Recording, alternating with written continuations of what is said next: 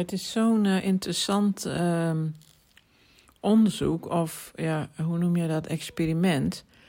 Want zo, zoals jij dat dan zegt, van uh, het een uh, hoeft niet, of, of heeft in jouw geval niet met het andere te maken.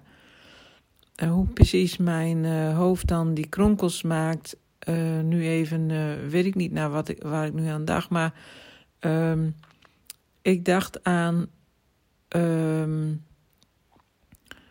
Wat nou als um, alles, um, zeg maar alles wat je hebt meegemaakt, um, stel nou dat je daar helemaal niks aan zou aan gekoppeld zou hebben van dit is erg of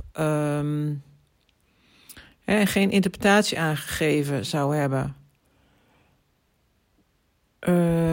Misschien waren er dan ook geen traumasporen.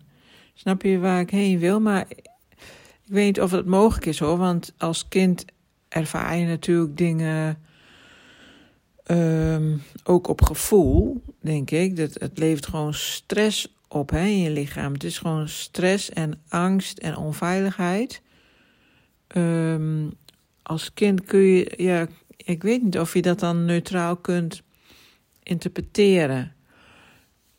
Dat denk ik toch eigenlijk niet. Nou, ik zit zo'n beetje hard op te denken, maar je kan natuurlijk wel in het nu, uh, als je volwassen bent, um, de dingen die zich aandienen van de traumasporen, en bijvoorbeeld um, stress in je lichaam of uh, uh, wakker worden s'nachts of, of nou ja, allerlei dingen kunnen het zijn hoge ademhaling of, of andere soortige uh, uh, angstgevoelens.